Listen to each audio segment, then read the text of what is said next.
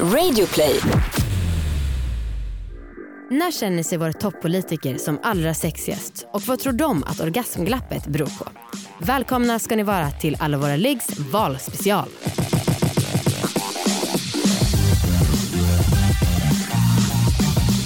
Hallå allihopa och välkomna ska ni vara till succépodden Alla våra ligg. Hej, hej, hej. Det här är som ni vet en podd om sex, sexualitet och om att äga sina val. Mm. Och jag heter Anna. Och jag heter Amanda. Hej. Och nu är det så här att valrörelsen är i full gång. Överallt på stan ser man ganska intetsägande affischer om att det är viktigt med vård, skola, trygghet. Det här är såklart jätteviktiga frågor, kanske livets viktigaste. Men för att bredda debatten så har vi velat prata med politikerna om något som ni ofta frågar oss om och något som är en av våra hjärtefrågor. Nämligen det här med orgasmglappet. För det är så att eh, enligt en amerikansk studie så kommer män vid 95% av liggen när det är heterosexuellt sex på gång. Kvinnor kommer bara vid 65% av liggen. Och man kan tänka så här, vad fan har det här med politik att göra? Och det här handlar ju bara om några sekunder av muskelsammandragningar.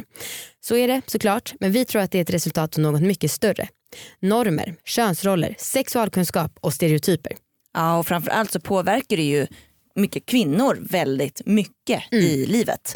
Eh, vi har valt att bjuda in representanter från alla riksdagspartier om, för att prata om det här. Och vi kan bara säga att eh, vi har fått med oss alla riksdagspartier förutom Moderaterna och Sverigedemokraterna som tyvärr drog sig ut när de fick eh, frågorna av oss.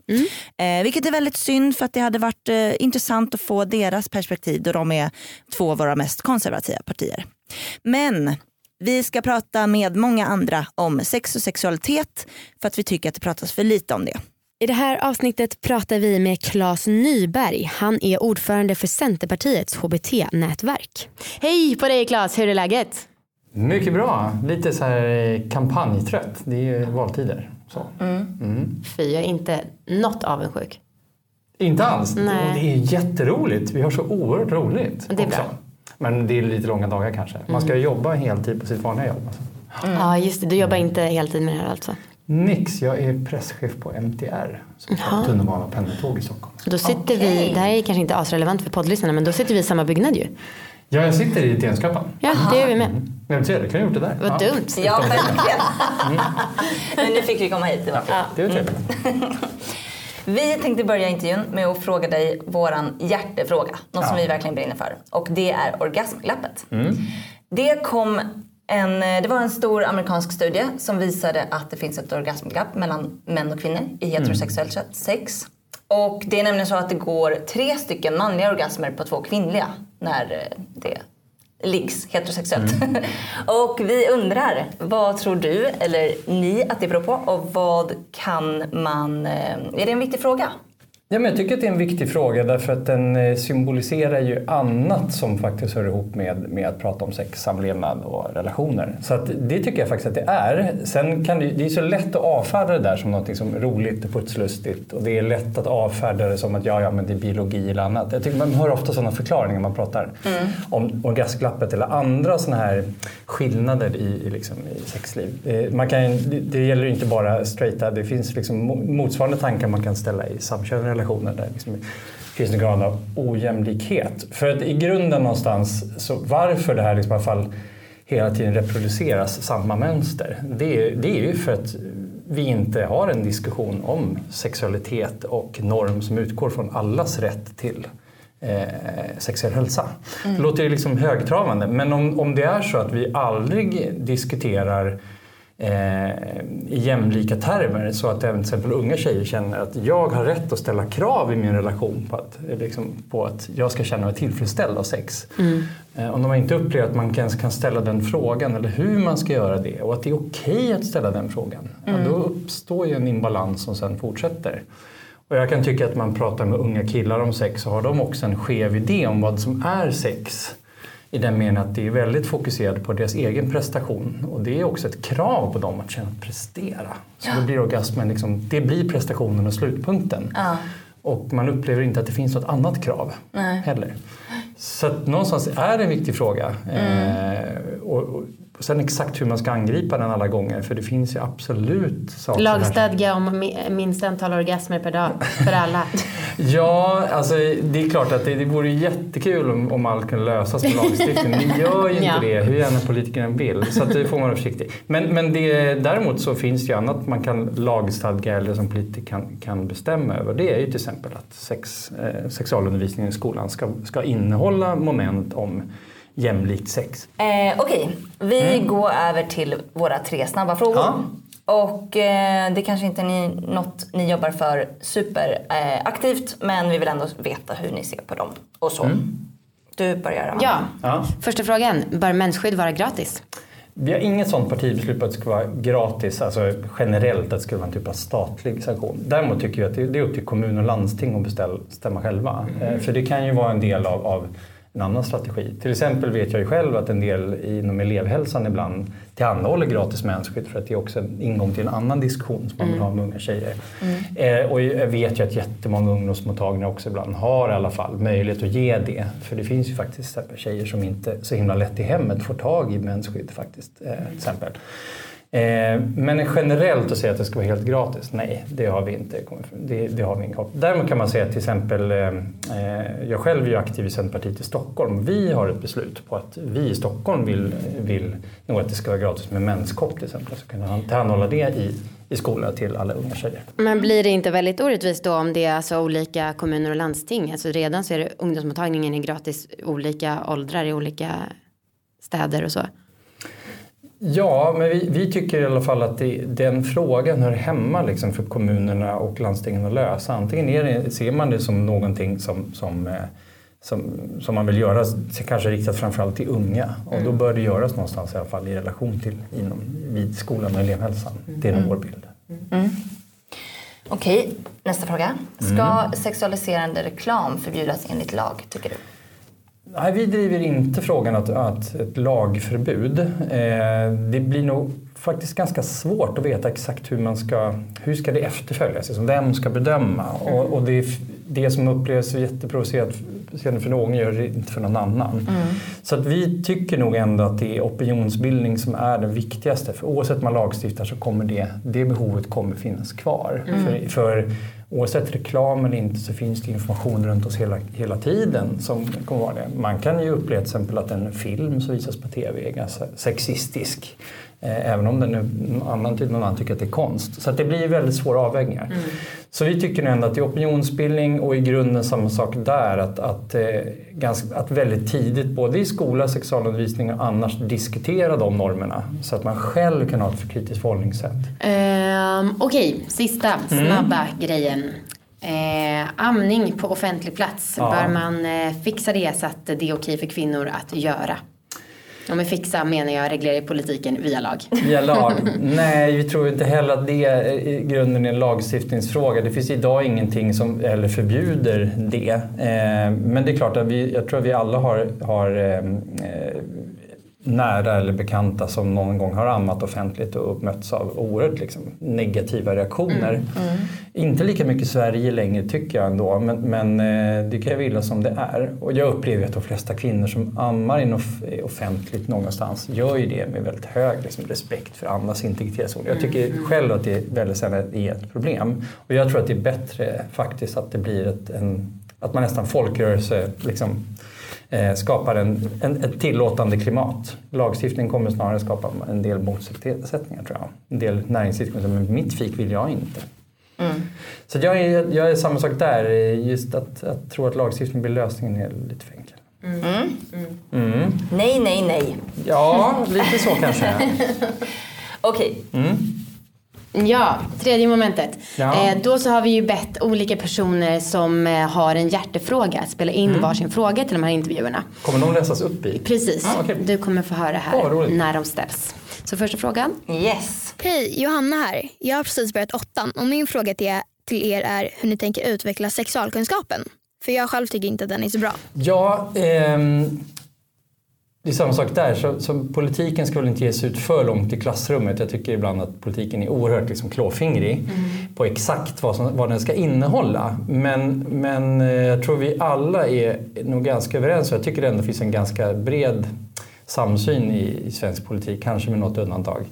Eh, att kvaliteten är för låg eh, och att den är för begränsad. Och även jag har jobbat själv med på Lärarförbundet några år och träffat mycket lärarkollegor. Och väldigt många eh, tycker att det är svårt faktiskt att veta hur undervisningen ska gå till. Det är en sak när det är just biologi och planscher. Men när det verkligen handlar om att diskutera till exempel relationer, samlevnad, intimitet i mm. förhållande till sex mm. så är det väldigt få lärare skulle jag säga som upplever att jag har verktyg och jag har kunskap mm. hur jag ska göra det. Så att i grunden är det ju, kvaliteten är alldeles för låg. Mm. Eh, så vi vill ju se att eh, sexualundervisning, alltså att kunskapen om hur man bedriver det ska vara obligatorisk i lärarutbildningen. Det är mm. viktigt att, att den fokuserar på det. Men också ger då Skolverket ett uppdrag att faktiskt eh, ta fram utbildningspaket för att kompetensutveckla de lärare som idag är ja. ute och jobbar. Vad anser du att externa personer som inte är lärare kommer in och undervisar om sex och sexualkunskap? Nej, men jag, jag, jag tycker att det är, jag har själv varit en sån som varit ute informerat och så. Och jag tycker att ofta är det, är ju det väldigt eh, viktiga inslag. Men skolan får samtidigt inte göra sig beroende av det. Eh, och, eh, Ehm, det är ju också givetvis en grannlaga uppgift att bestämma vem ska jag släppa in och varför. Ska du, och tycker jag, om skolan ska hålla kvalitet och vara bygga på vetenskaplig, vetenskaplig grund och beprövad erfarenhet som ändå lagen säger, då ska man ju också granska de som kommer in och vilka är de? Med Hedvigs hemförsäkring är du skyddad från golv till tak oavsett om det gäller större skador eller mindre olyckor. Digital försäkring med personlig service, smidig hjälp och alltid utan bindningstid. Skaffa Hedvig så hjälper vi dig att säga upp din gamla försäkring. Hedvig Hemförsäkring, ett klick bort.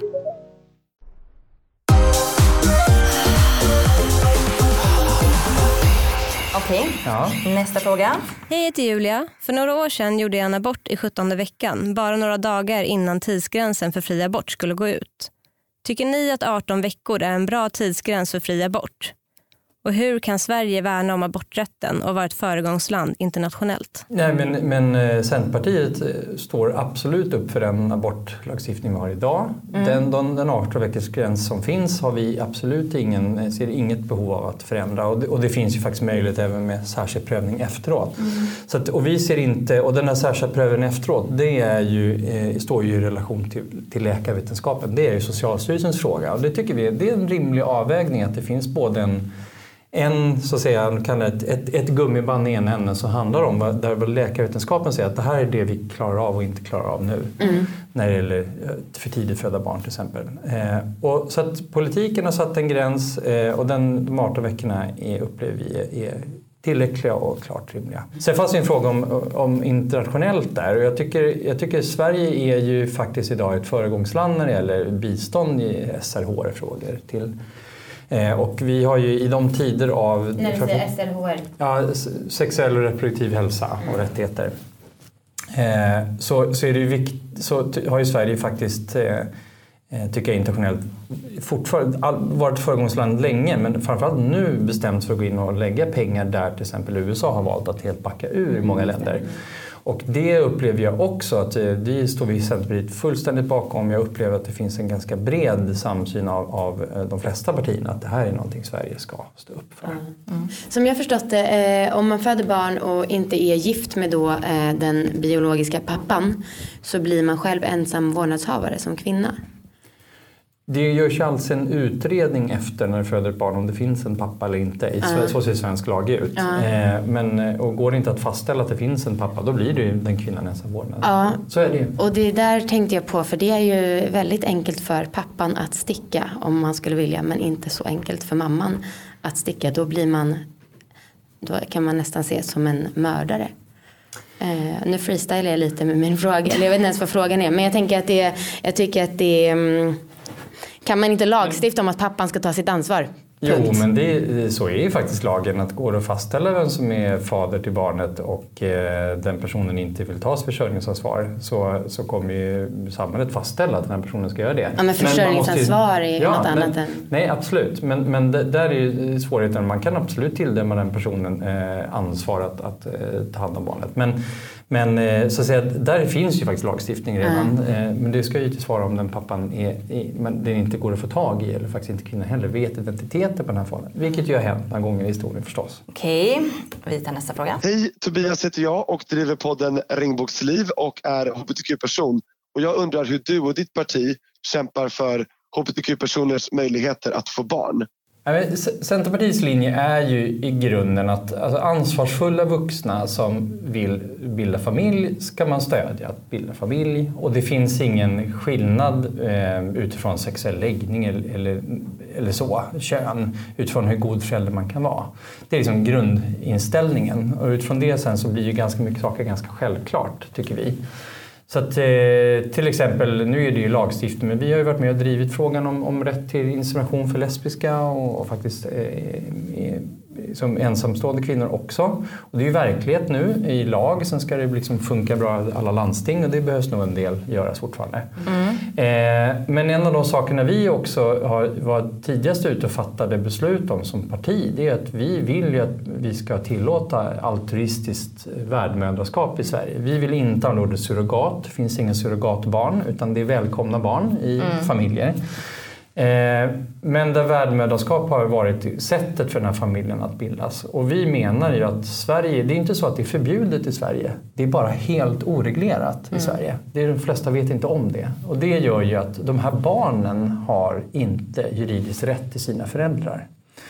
Så det är barnen här som har ett svagare juridiskt skydd än andra barn och det är givetvis helt orimligt. Här behöver man göra någonting eh, helt enkelt och, så, och det måste vara tillåtet i Sverige. Jag känner flera kvinnor som har sagt att de är beredda att göra det, att ja. ställa upp för andra. Okej, nästa fråga. Hej, hej. Eh, Antonia heter jag. Jag är nybliven barnmorska och jag har en passion för sexuell hälsa med fokus på kvinnlig sexualitet.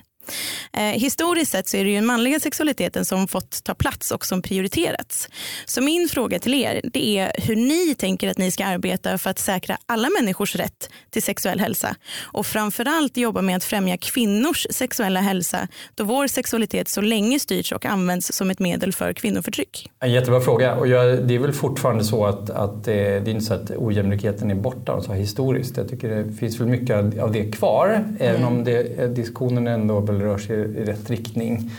Eh, till exempel hur gestaltningen av, av sexualitet och så där, ser ut i film och så. Det, det har ändå hänt ganska mycket. Men om man, vad man så konkret i alla fall politiskt kan göra så är det en av de sakerna, eh, vi pratade om abortlagstiftning eh, alldeles nyss. Ja. Det är faktiskt en viktig aspekt av detta, att jämställa möjligheten att själv bestämma när man vill bli förälder. Det är faktiskt en viktig aspekt ändå, så jag tycker man kan ta, ta tillvara. Och samma sak där då att eh, att det inte ska finnas skuld och skambeläggande för det. Mm. Samma sak med det här med mm. samvetsklausul, att vi inte ska ha det. Eh, men sen hur man än vänder och vrider på det här, ska vi liksom komma Ska vi komma åt grundproblemet av att, att eh, synen på kvinnors sexualitet ser annorlunda ut så går, finns det liksom inga genvägar. Utan det är samma sak där. Då är man tillbaka till vilka arenor möter vi unga människor tidigt och ser till att det blir en diskussion mm. om normer och sexualitet som är som sker med en, liksom, som jämlik grund. Och då kommer skolan fortsätta vara superviktig. Men det kommer vara lika viktigt att eh, de här diskussionerna förs på andra ställen. Idrottsrörelsen tror jag inte vi ska underskatta. Alla de initiativ man tar för, när det gäller unga killar och respekt där är superviktigt. Mm. Eh, så det handlar ju grundläggande om att liksom klara av att ha en, en gemensam vuxendiskussion till nästa generation för att bryta mönster. Jag vet inte tusan om det finns ju ingen jättesnabb genväg liksom, alltså, liksom lagstiftare och få fram. Utan man måste ju så bestämma vilka verktyg har vi? Vi har skola, vi, har, vi kan fördela pengar till projekt, vi kan fördela pengar till eh, organisationer som, som verkligen jobbar aktivt med till exempel eh, normdiskussioner. Mm. Det är ju där jag tycker det är absolut viktigast vi kan göra. Hur ser ni Men, på mm. äh, eftervården för kvinnor som, äh, som förlöser barn? Äh, vad tänker du då? Barn? Alltså, som, äh, att det är många som får enorma problem vilket kan skada deras sexuella hälsa. Och, Ja, nej, men du, om du tänker till exempel de som får förlossningsskador rent fysiskt mm. exempel. Ja, men jag har ju flera vänner som verkligen har, tycker jag, eh, haft en helvetesresa efter förlossningar. Lång tid. Eh, och det har ju verkligen så det, det påverkar deras sexliv, det påverkar deras självkänsla och, och eh, kan ju faktiskt leda till psykisk ohälsa på mm. riktigt. Ah. Eh, och det, det, tycker vi är en av de, en av de, det är verkligen en jätteviktig fråga. Och eh, min bild, jag är inte här med mitt expertområde, men jag har förstått att, exempel, att, att det på många ställen i landet är väldigt lång kö till att också få komma till en specialist som är duktig på att utreda mm. skador i underlivet. För det är klart att det är liksom, ska man sen gå in och göra till exempel någon korrigerande eh, operationer så, eh, och, så, så krävs det ganska hög kompetens att göra bedömning vilka operationer kan göras utan att du får andra följder. Till exempel på nervbanor och annat som också kan ju förstöra sexlivet eh, på olika sätt. Så att eh, här är ju är nog kötiderna framförallt för att komma till en bedömning och sen få efter rätt eftervård. Mm. I min bild att den är, de är alldeles för långa. Sista frågan. Ja. När känner du dig sexig? Ja, jäkligt bra fråga. Jag är liksom sådär, nej men, men det är klart. Sådär, jag kan Säger du och börjar pilla med ditt manuspapper Ja, jag har, jag har inte skrivit ner något svar på den frågan faktiskt. Men därför är jag lite nervös att pilla med papperna. Nej men så här, jag, jag, en av de stora sakerna jag, som hobby jag har, jag sjunger jättemycket. Jag sjunger i en kapellgrupp sedan jättemånga år. Jag kan känna mig verkligen sexig när jag står på scen. Så här, och får sjunga och känna att jag blir observerad av andra. Det är Gud, en ganska berusningskänsla. Så här, få applåder, då kan jag faktiskt känna mig het. Härligt. Härligt. Ja, det var ett väldigt bra svar. Njut av det. Tusen tack. Det var allt för oss. Lycka till framöver. Ja, tack själv.